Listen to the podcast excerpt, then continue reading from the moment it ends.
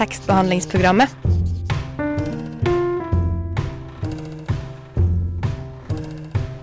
Tekstbehandling på radio.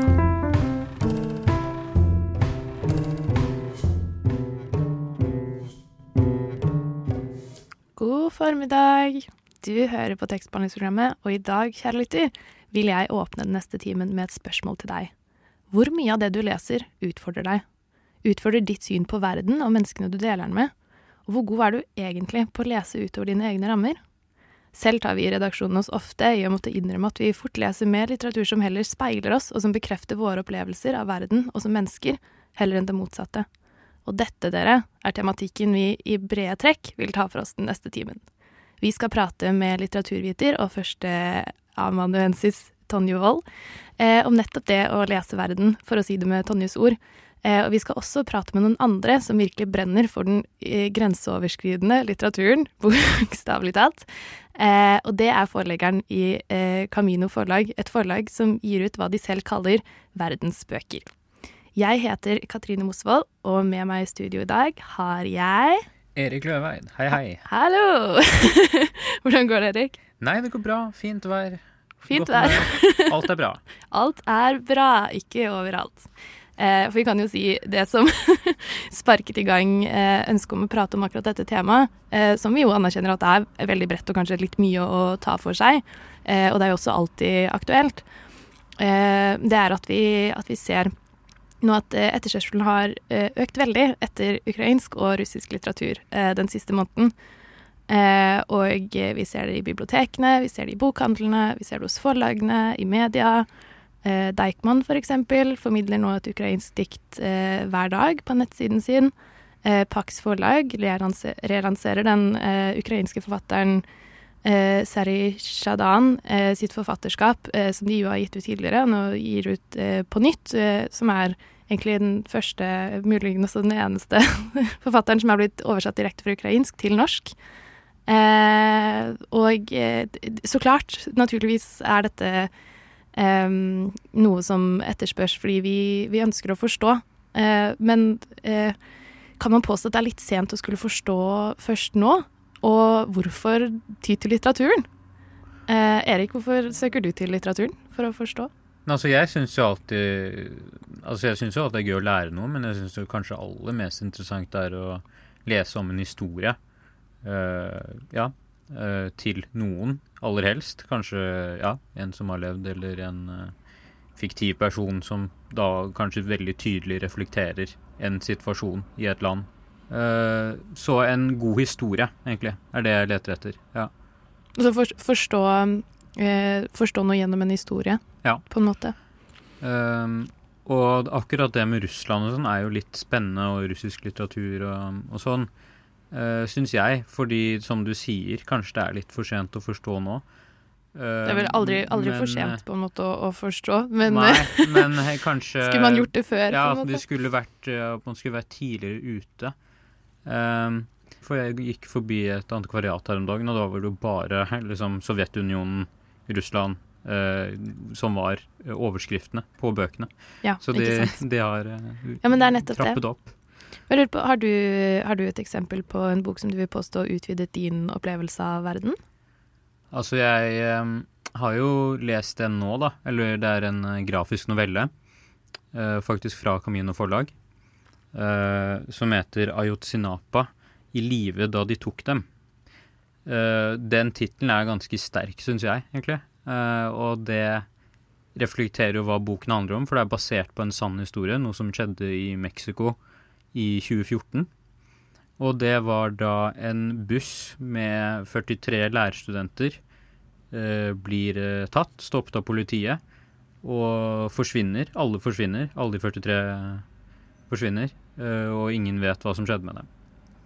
Eh, og det er jo for meg veldig sånn Det åpnet øynene mine litt, for det er en litt Høres ut spesiell som en dårlig norsk krim.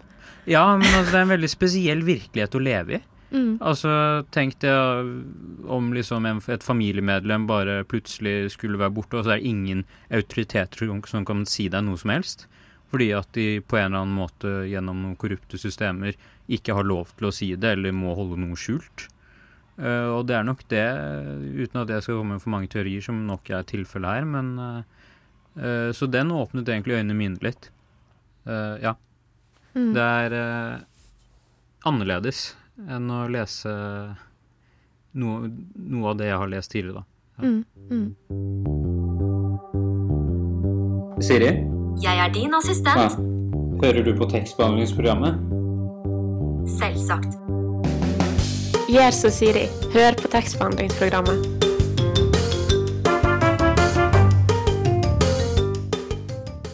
Du hører på tekstbehandlingsprogrammet, og der hørte du Agnes Hartwich med låta 'Black Shiny Car'. Eh, vi eh, pratet tidligere eh, om hvordan det er økt etterspørsel nå på litteratur fra Russland og Ukraina, og hva kommer det av? Folk vil forstå. Men hvorfor ty til litteraturen heller enn noe annet for å forstå? Og vil man lese om, eller vil man lese seg inn i? Hva kan det gi å lese skjønnlitteratur? Noen som har skrevet mye om eh, hvordan vi kan forstå verden gjennom å lese den, er litteraturviter og førsteamanuensis Tonje Wold og hun har jeg tatt en prat med om nettopp dette.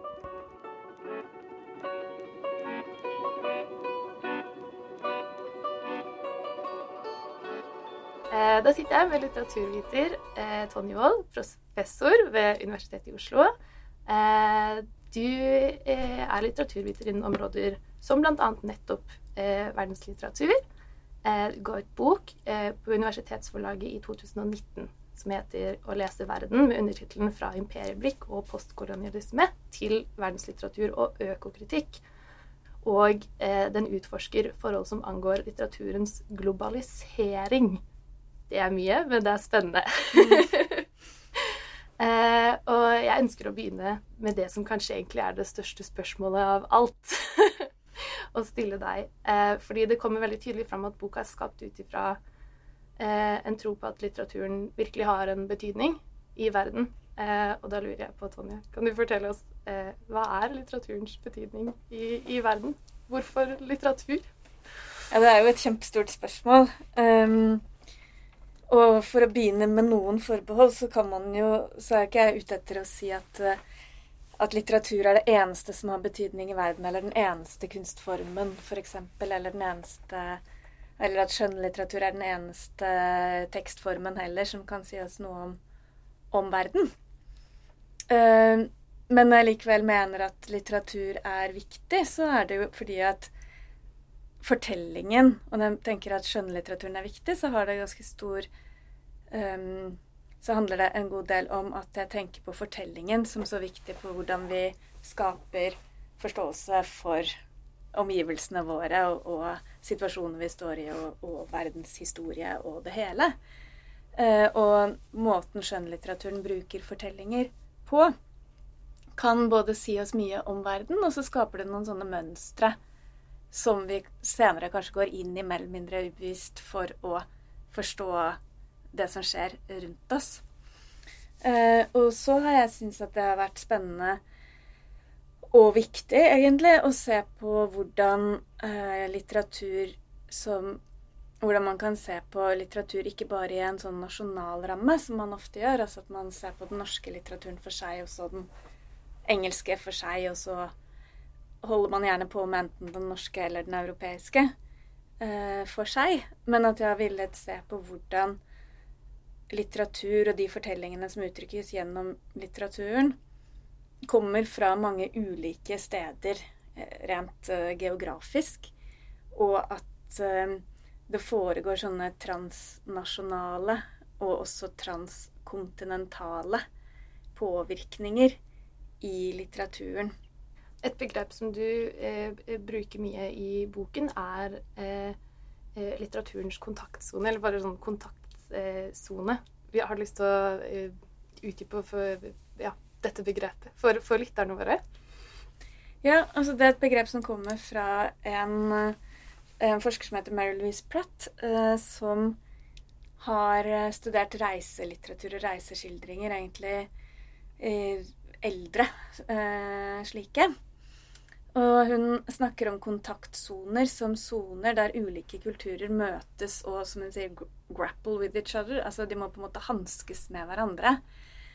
Eh, og det syns jeg var veldig produktivt å tenke på litteratur og kontaktsoner sammen. Fordi at det nettopp er noe med at eh, sånn som hun beskriver kontaktsoner, så er ikke det at disse kulturene møtes noe som nødvendigvis er villet. Det er noe som kanskje skjer uansett hva man vil eller ikke vil. Uh, og det er ikke nødvendigvis uh, gode intensjoner heller. Altså det kan være alt mulig, men det foregår type uh, kulturmøter. Så det er det ene på en måte at de kulturene møtes om å grapple with each other, altså må liksom hanskes med hverandre. Men det andre som jeg syns var viktig med det, er at sånn som hun beskriver det, så foregår det en transkulturasjon. Altså at begge, eller alle tre eller fire kulturene som møtes, påvirkes av hverandre. Og årsaken til at jeg syns det har vært et viktig begrep å bruke, eller måte å tenke på, er at man veldig ofte når man leser skildringer av uh, europeisk litteratur så, og global litteratur, så er det den europeiske litteraturen som bres ut i verden og påvirker alt annet. Mens jeg er mer interessert i å se at denne påvirkningen foregår jo på veldig mange forskjellige måter.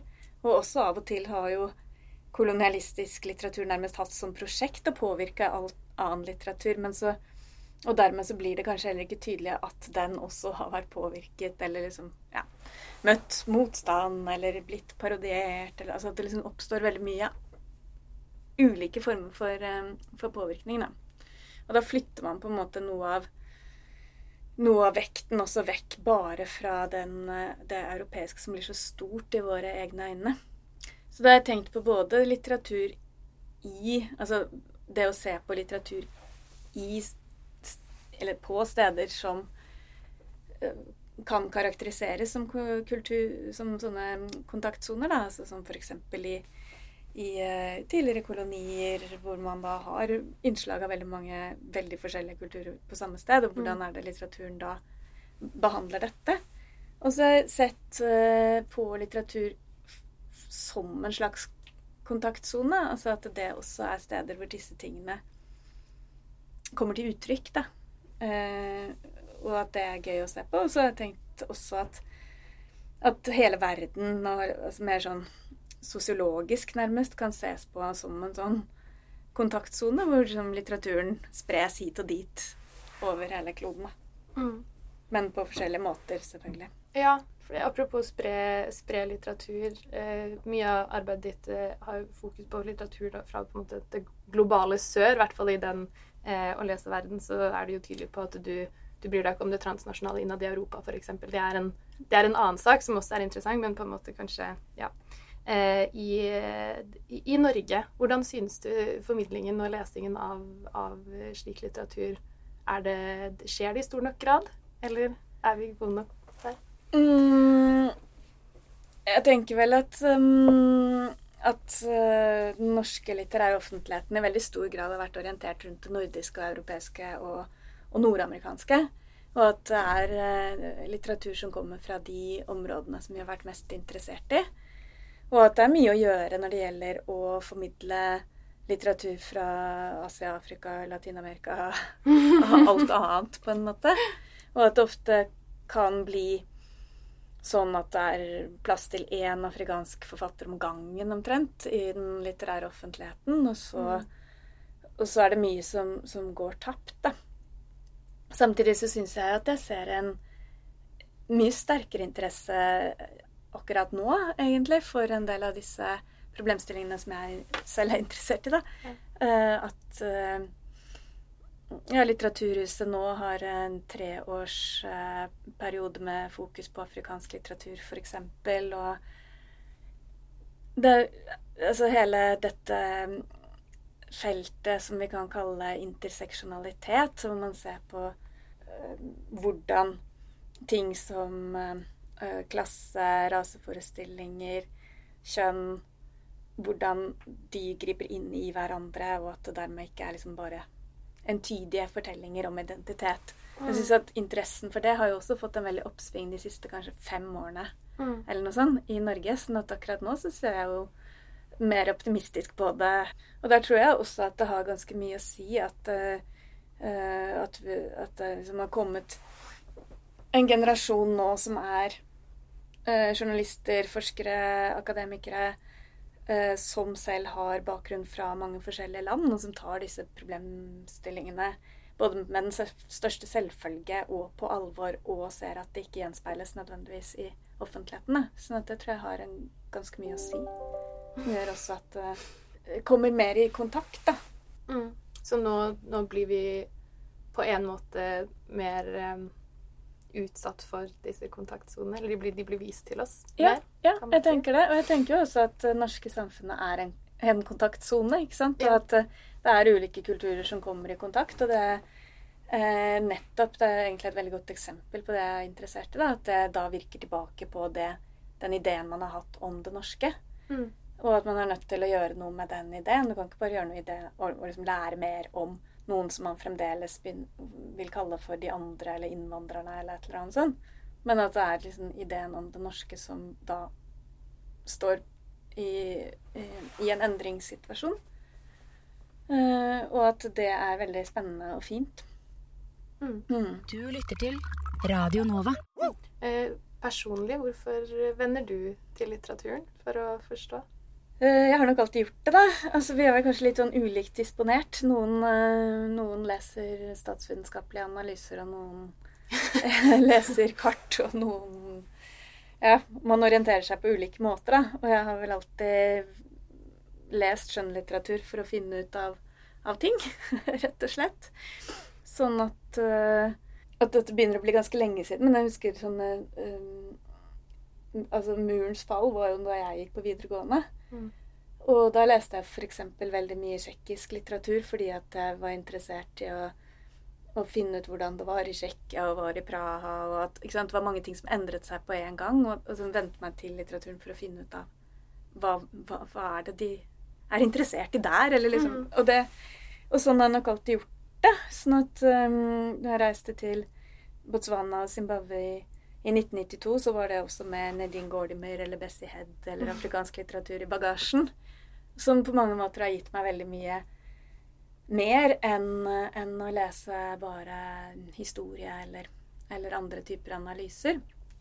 Og det var liksom tilbake til hva er det med litteraturen? Fordi at uh, mye av det man kommer inn i ved å lese skjønnlitteratur fra de stedene man reiser, eller noe sånt, er jo man kommer inn i en type eh, beskrivelser av men mentalitet. Altså både sant, kjærlighetsforhold eller et eller annet familieforhold, og, og liksom den mentaliteten, bevissthetsframstillinger som, som en forfatter uttrykker der. Men også en eller annen type eh, kulturhistorisk eller et eller annet type mentalitet. Det når du leser litteratur, så er det veldig mye som ofte tas for gitt at uh, de andre som leser, skjønner. Mens når du kommer utenfra, så skjønner du ikke helt. Eller du syns noen ting er veldig pussig og rart og sånn. Mm. Og de tingene har jeg alltid likt veldig godt, da. Du er jo eh, veldig belest, og da av, av all eh, litteraturen du har jobbet med og, og kjenner til. Eh, nå sa du jo selv at på en måte da muren falt, så leser du jo om eh, altså historier fra det faktiske området.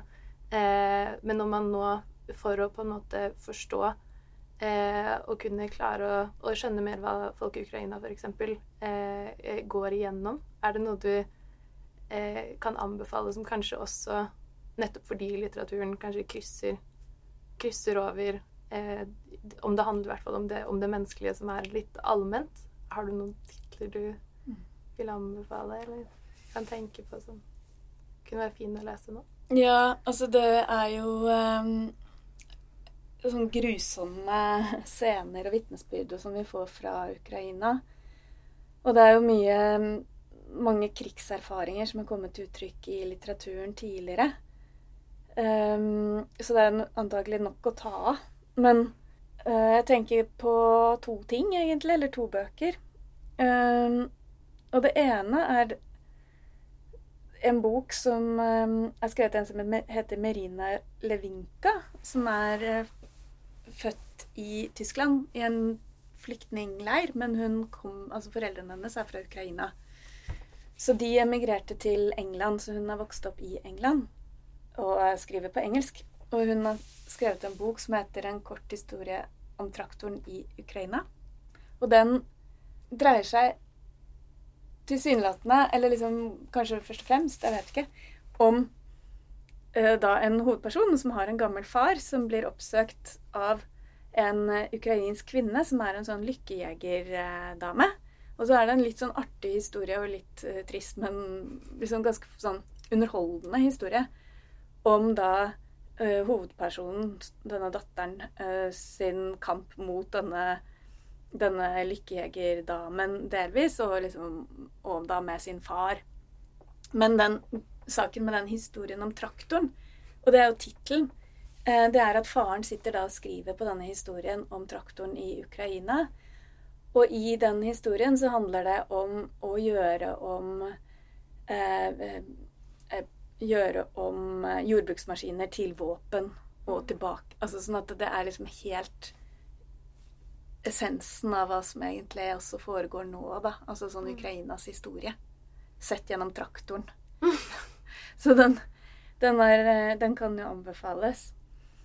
Eh, og så har jeg tenkt på en annen bok som, eh, som, eh, som ikke handler om Ukraina i det hele tatt, men handler om flyktninger. Eh, og det er den Jenny Elpenbeck, eh, 'Går gikk godt», som er en tysk bok. Og som dreier seg om en eldre herre som opplever flyktningkrisen i Berlin. Eh, som dreier seg også om hvor er det disse menneskene kommer fra. Og i dette tilfellet så er jo de flyktningene denne mannen møter, fra Vest-Afrika. Og det er et sted han vet veldig lite om, sånn at det blir en, også en sånn uh, historie om å forstå hvor disse folka kommer fra. Og Jenny Erpenbeck skriver da inn en større uh, fortelling da, om, om Afrika, egentlig, i, eh, i Tyskland. Og hvordan dette da er en kontaktsone, da, hvor, Ja. man, hvor da denne mannen eh, går gjennom forskjellige eh, steg i å, å bli påvirket av de han møter, fra å egentlig ikke være så veldig interessert i å bli kjent. Man vil bare liksom vite litt Mm. overfladisk hvem de er, og til å bli berørt og, og nærmest en slags aktivist. Hva, hva leser du selv for øyeblikket? Eh, Jeg, leser litt forskjellig. Eh, Jeg leser en forfatter som heter Panashe Chigumadzi, som er fra Zimbabwe. Som har skrevet en bok som heter 'These Bones Will Rise Again'. Som eh, Som, hva skal man si, er en fortelling om å å grave fram kvinners bidrag til den store historien om, om eh, frigjøring og, og, og diktatur, kan man si. da. Men altså på en måte det vanlige mennesket og da det kvinnelige menneskets eh, bidrag. Og så har jeg lest veldig mye Bell Hooks i det siste, fordi jeg skal snakke om henne på et arrangement. Og det er jo en eh, afrikansk-amerikansk eh, teoretiker og aktivist som var en av de som eh, satte interseksjonalitet på dagsordenen i, i USA på, tidlig på 80-tallet. Føler du at eh, skjønnlitteratur har et, eh, har et slags ansvar for, i samfunnet? Eh, Nei, jeg tenker egentlig ikke at skjønnlitteraturen som sådan har et ansvar. Jeg tenker at, at, at litteraturen skal være veldig fri. Og jeg er også litt sånn skeptisk til at litteratur skal være At man har den ideen om at man blir veldig empatisk av å lese masse litteratur, eller et bedre menneske av det, eller Men jeg tenker at vi som lesere har et ansvar. Altså, vi har et ansvar for å å se hva forfattere bruker tiden sin på, og, og, og, og prøve å lese nøye det vi leser. Og at kanskje vi har et ansvar for å, å videreformidle interessante analyser som vi finner i romaner, eller peke på, peke på lesing som kan virke opplysende, som har virket opplysende for oss. da. Men jeg tenker at uh, det er litt vanskelig å plassere et ansvar på, på skjønnlitteraturen, for det blir så ofte sånn at ethvert verk må ha det samme ansvaret og sånn. Det er jo ikke sånn. Men altså som, som helhet uh, så er skjønnlitteraturen et sted som viser fram en rekke etiske dilemmaer og politiske problemstillinger som gjør at det er et, eh, et viktig sted å gå når man skal eh, bli et tenkende menneske eller liksom være en samfunnsborger. Så ansvaret ligger på, på leserne og, og formidlerne av, av litteratur. Ja, jeg tenker det. Ja. Ansvaret ligger på leseren. Kult. Jeg tror vi kutter der. Tusen takk for tiden din. Ingen årsak, bare hyggelig. Hallo, mitt navn er Knut Nærum, og du hører på tekstbehandlingsprogrammet. Jeg går i hvert fall ut fra at du gjør det. Der hørte du Goofy Gis med låta Flor Amarelo, og du hører på tekstbehandlingsprogrammet. Jeg er Katrine, med meg i studio har jeg Erik. Hei, hei. Eh, og vi har nettopp eh, hatt, eh, hørt et intervju med litteraturviter Tonje Wold om eh, hva det vil si å lese verden, og hvorfor det kan være viktig, er viktig. Eh, nå skal vi høre noe annet, eh, Erik. Hva er det vi skal høre nå? Nå skal vi høre et uh, innslag fra tekstbehandler Julia om uh, 'Elskeren', en uh, roman av Margrethe Duras. Noen ganger leser man historier som man får følelsen av at bare kan finnes i en bestemt plassering i tid og rom. 'Elskeren' av Marguerite Duras er en sånn type historie. Det er historien om et usannsynlig forhold som oppstår i fransk Indokina mot slutten av 1920-tallet, og som kanskje bare kan oppstå der. I begynnelsen av fortellingen befinner vi oss på en ferge i Mekongelva. Vi står der sammen med den 15 år gamle jeg-personen. Hva hun har på seg i denne første scenen, er ikonisk. Det er en rød silkekjole. Hun har et lærebelte rundt livet. Hun har gullfargede sko på føttene og en bredbremmet herrehatt på hodet. Klærne beskrives som både for voksne og barnlige til henne på en og samme tid. De blir avgjørende i møte med det som skal bli hennes elsker. På denne fergen møter nemlig den franske jenta en mann som er forskjellig fra henne, både i alder, status og i etnisitet. Det er en 27 år gammel, rik kineser. Han er et utenformenneske i Indokina pga. nasjonalitet og livsstil. Det samme er hun. Hun er fransk, hun har en konkursfamilie og en død far. Det er mye som er kontroversielt ved dem, hver for seg. Enda mer når de blir sammen. Forholdet mellom dem fortelles gjennom minner. Vi får følelsen av at vi flyter fram og tilbake i tid. Disse minnene sies å være Marguerite Duras, forfatterens, egne minner. Men like så mye flyter vi fram og tilbake gjennom en spesifikk tid i historien. Kolonien, som fransk Indokina var, med sine skiller mellom franskmenn og lokale, og mellom lokale og utlendinger, definerer også forholdet i romanen. På den måten blir fransk Indokina et bakteppe som forsterker og gjenspeiler maktforholdet mellom karakterene.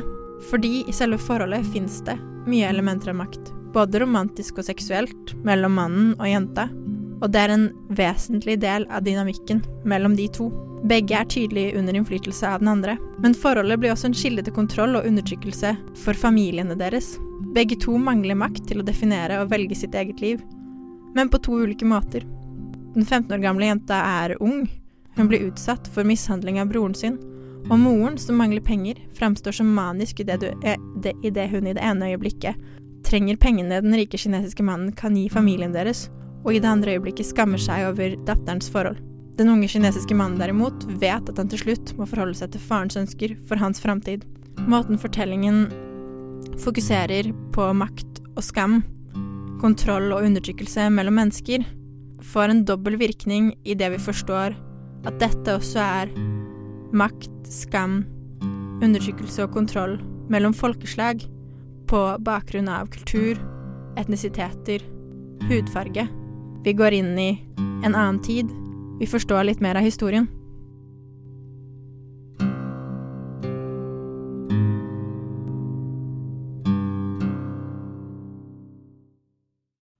Hei, jeg heter Aune, og du må høre på tekstbehandlingsprogrammet.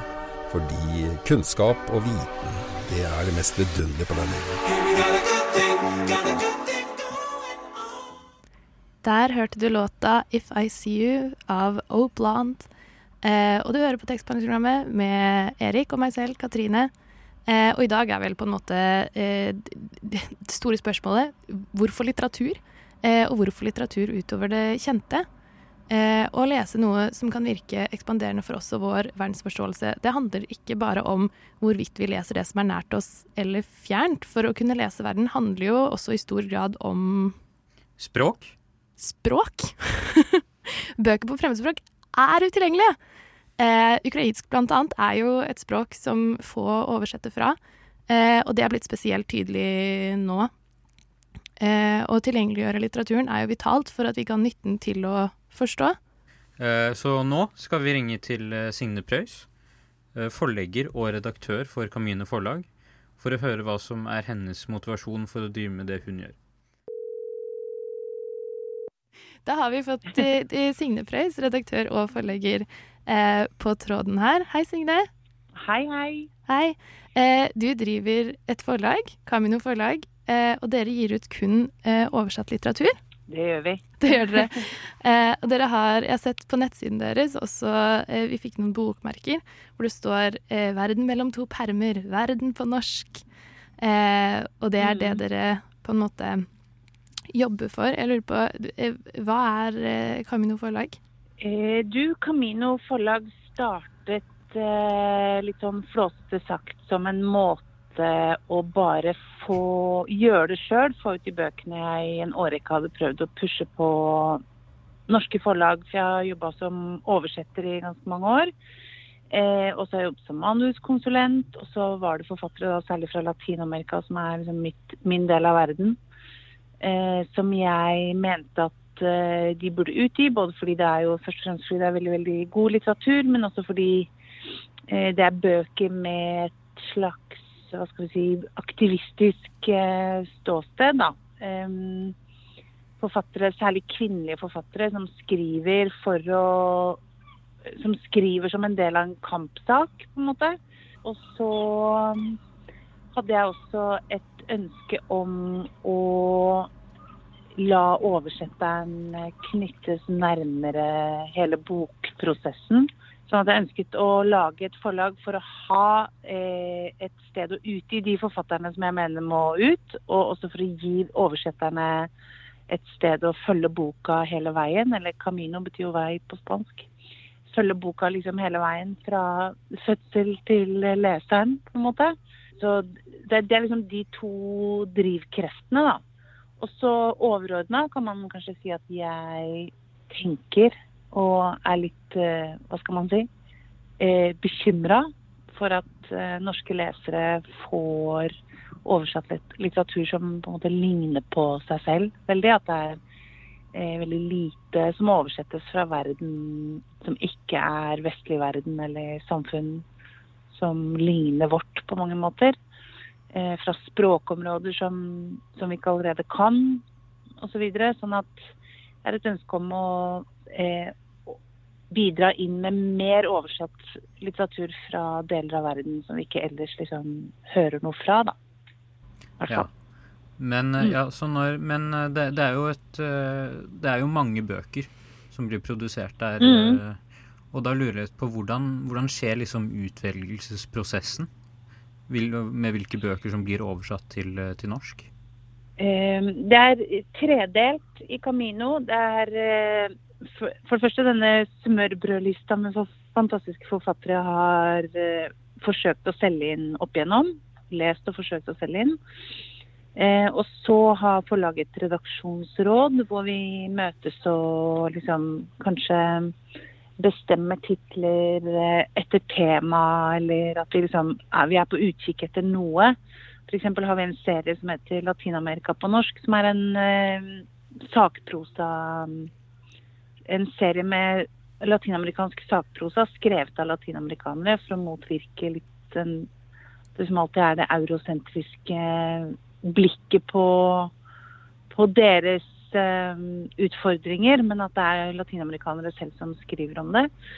Eh, så da har vi jo liksom funnet bøker som vi mener er viktige inn i en sånn, en sånn belysning av latinamerikanske utfordringer. Og så det tredje er at det kommer oversettere med sine å si, hjertebarn, om det er en forfatter eller en bok de brenner særlig for. Så f.eks.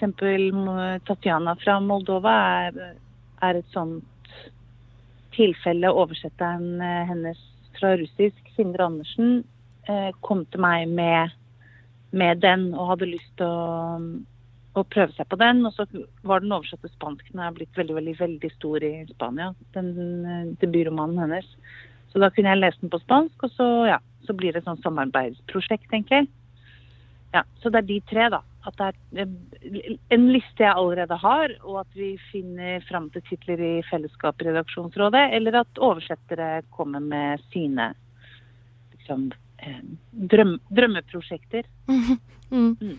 Uh, du var litt inne på det, det, tidligere, hva som på en måte finnes og hva du har prøvd å jobbe inn i, i, i, i norske forlag eh, opp igjennom. Men eh, vil du si at eh, på en måte hele prosjektet at det ble Det kom litt som en Ikke en protest, men fordi du virkelig mener at det er et, et, et, et hull, holdt jeg på å si, som, som trenger å finnes, og, og hva er du hva, hva, er det du mener at det kan gi norske lesere å, lese de, de, bøkene dere gir ut? Ja, jeg mener absolutt at dette er et hull som trenger å fylles. Jeg, og, og, grunnen til det er at jeg tror at uh, i et mer sånn eksistensielt uh, perspektiv så tenker jeg at det er ikke noe bra for norske lesere at vi alltid liksom forholder oss til historier som ligner våre egne. Det er det ene. At vi, det er boble, jeg vet ikke med dere, men jeg tenker ganske ofte at uh, den norske virkeligheten er ganske boblete. Og at man tenker at det er normalt sånn som vi har det her. når, det ikke, når det absolutt, absolutt i et verdensperspektiv er normalt å leve sånn som man lever i Norge. Sånn at da mener jeg litteraturen har et kjempepotensial da, til å bringe inn eh, fortellinger om virkeligheter som ikke i det hele tatt ligner våre. Om det handler om vold, eller om det handler om fattigdom, eller om det er migrasjon, eller eh, identitet, eller eh, Ja, ikke sant. Det er alle disse store, overordnede temaene som jo i all grad angår oss, selv om det liksom ikke angår oss i det daglige fordi vi har det så bra som vi har det. Ikke sant? Mm. Eh, og, da, og, da, tenker jeg at eh, nå begynner jo norske forfattere også kanskje å ha et mer sånn ut at de eh, Eller la, hvis jeg snur på det I hvert fall latinamerikanske forfattere, og særlig kvinnelige latinamerikanske forfattere, tar jo ofte et større overordna tema som angår alle. Og så skriver de om det, mens eh, norsk litteratur kanskje har vært mer sånn in innovervendt. Eh, som jo sikkert også er en eh, refleksjon over utfordringene man har. Det er, og det skal sies, norske forlag gjør en kjempejobb med å oversette masse bra. Eh, absolutt kjempebra, men det trengs enda mer, tenker jeg da. Og, og på den måten så kan man bidra til at eh, bidra til å motvirke ensretting og bidra til å ja, pirke litt i folk, pirke litt i bobla og si hallo. Ja, Eh, jeg vet at vi har det bra, men eh, vi tåler, vi tåler å lese om andre ting òg. Ja. Mm. Du Du Du hø hører på, på Radio Nova. Um, siden det er eh, et tema som vi, vi har pratet om nå litt tidligere um, i denne timen vi har på lufta her uh, også, uh, i, i, hva tenker du, hvorfor, hvorfor litteratur? Uh, for å på en måte forstå og kunne sette seg inn i andres andres verden og virkeligheter? Hmm. Ja, hvorfor litteratur? Jeg mener, det kunne jo kanskje sånn sett like gjerne vært film eller musikk eller eller hva, men selv og personlig så mener jeg litteraturen um, er spesiell fordi den gir Du må lage bilder Altså du må den overlate mer til deg, da. Uh, må lage bildene selv og må liksom, du kan trykke ja, Jeg vet ikke hvordan jeg skal si det. Bare det er helt naturlig for meg å lese en bok hvis det er noe jeg, hvis det er noe jeg liksom ønsker belyst i mitt eget liv, så er det bøker jeg tyr til. Og film kanskje også, men bøker. Ja. Jeg tror eh, også at er rent ideelt sett er bekymra for at folk les, ikke leser mer. At, vi har sluttet, at folk slutter å lese. De hører eller de bare scroller eller vi trenger den derre litt sånn langsomme, langsommere måten å lære nye ting på, eller tenke nye tanker på. Mm. Men jeg er også en bokromantiker, da. Så det skal sies. Men, eh, men jeg tror det. Og du ser f.eks. Eh, flere av disse flere av de Camino har utgitt, er jo blitt bøker som har ført til at eh, at liksom, større, problemstillinger eller større tema liksom, løftes opp og frem. Vi har utgitt en bok som heter 'Døde jenter', som handler om tre tenåringsjenter som ble forsvunnet og drept i Argentina på 80-tallet. Før man liksom hadde dette kvinnedrapet, eller femicid, da, som eh, man har begynt å si på norsk nå. Før det liksom var et begrep en gang. Eh, og så nøster hun i de historiene for å se om det For å kom, prøve å komme nærmere hva som skjedde. For det er typisk historier i Latin-Amerika hvor ikke, ingen blir tatt og ingen blir stilt eh, for retten og, og ansvarliggjort og sånn. Eh, men poenget mitt med det er at så har den kommet ut her. Og da kan man jo tenke bare hva skal man med en sånn bok her?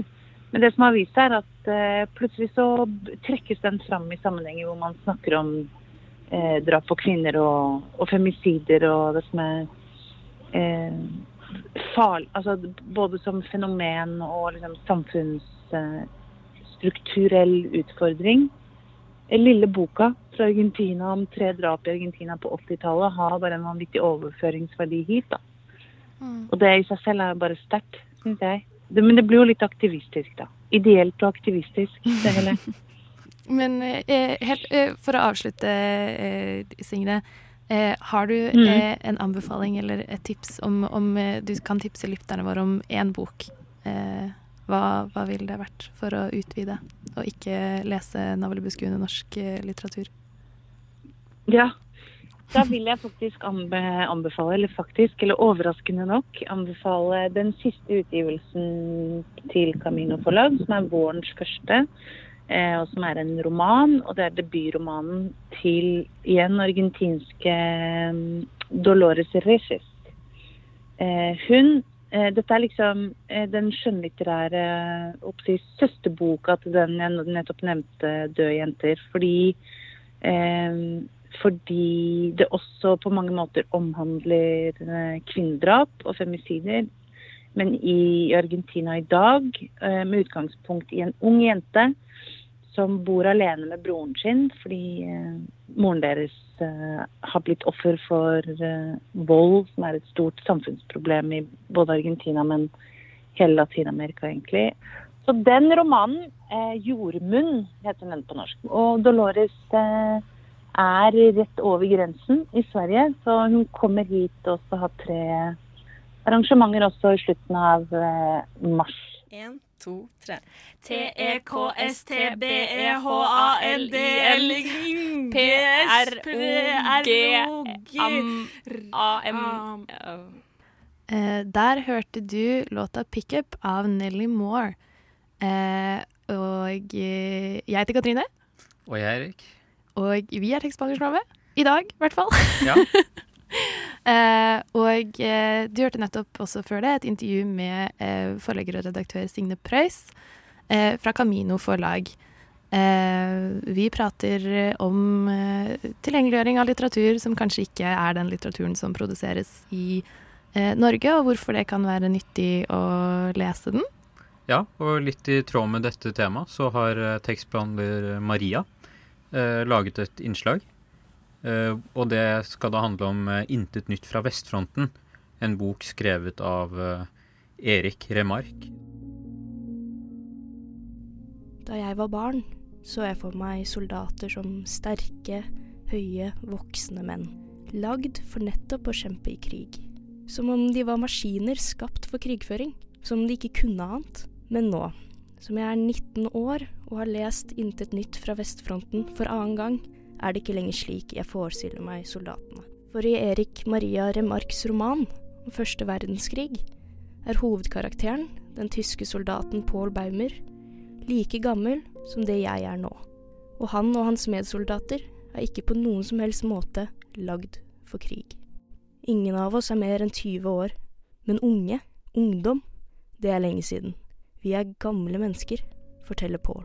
I Intet nytt fra vestfronten bringes leseren inn i en tragisk, endeløs tilværelse i skyttergravene. Paul og hans unge medsoldater ser ingen ende på krigen. Den har blitt noe konstant. Noe håpløst, nytteløst og egentlig latterlig. Det er disse beretningene om krigen som førte til at boken ble offentlig brent og bannlyst i Nazi-Tyskland, forfatterens eget hjemland. For Intet nytt fra vestfronten er ingen seierslykkelig krigsroman. Det er historien fortalt fra tapernes side. Fra den tyske siden, men først og fremst soldatens. Pål og hans kamerater er de største taperne i krigen. De kjemper en kamp som ikke er deres. Medsoldaten Kropp kommer med en annen løsning på krigføring. Inne på arenaen skulle så begge landenes ministre og generaler, bare iført badebukser, gå løs på hverandre med køller. De som sto igjen på hvalplassen, hadde sikret seieren for sitt land. Det ville vært langt enklere og bedre enn nå, da folk som ikke har noe med saken å gjøre, slåss med hverandre. Disse folkene, som ikke har noe med saken å gjøre, er soldatene selv. Pål og hans kamerater har egentlig ikke noe forhold til sine fiender, om de er franskmenn eller engelske, om de er unge som dem selv. De kjenner dem ikke, men fremdeles skal de skyte hverandre. Hvis ikke vi tilintetgjør dem, tilintetgjør de oss, skrives det når soldatene er i slagmarken. Den eneste interessen for å drepe er for å overleve, for ordre har blitt sendt fra høyre hold fra begge land. De unge mennene dreper fordi de eldre har beordret dem til å gjøre det. De ofrer sine liv fordi de har blitt bedt om det. Det er ikke deres egne valg, det er ikke deres krig, for krig, det er der utallige mennesker dør, på grunn av noen fås umenneskelige valg. Hvis du går hjem med noen og de ikke har bøker, ikke knull dem. Hilsen tekstbehandlingsprogrammer. Der hørte vi plugger av Kars og Angelo Reira, og der hørte du tekstbehandlingsprogrammet. Ja. Vi er eh, dessverre ferdig Det var det. for i dag. Eh, vi har jo prøvd å ta for oss et eh, kanskje litt for bredt eh, tema. Ja, men det er veldig interessant allikevel. Ja. Mm. Ja. Eh, bare vi prater om, om litteratur. Ja. Eh, og jeg har lyst til, vi kan jo på en måte føre på, på den, til den, den den, den lille musikken dere nettopp hørte, at hvis du går hjem med noen og de kun har bøker av norske forfattere, ikke knull dem. Helt enig. Og der setter vi kanskje streken for i dag. Ja, med de Eh, bevingede ord så tror jeg vi gjør det. ja. I studio var Jeg, Erik Løveid. og jeg, Katrine Osvald. Takk for nå. Ha det. Eh, hvor kan man høre oss igjen, Erik? Ja, det er, det er vel på Spotify, da, er det ikke det? Og i eh, Soundcloud. Og på onsdager fra 10 til 11 på Radio Nova. Mm, neste onsdag, for eksempel. Ja, 23. mars. 23. mars. Ja, nei. Det er i dag. Ja, det er det jo. Hallo.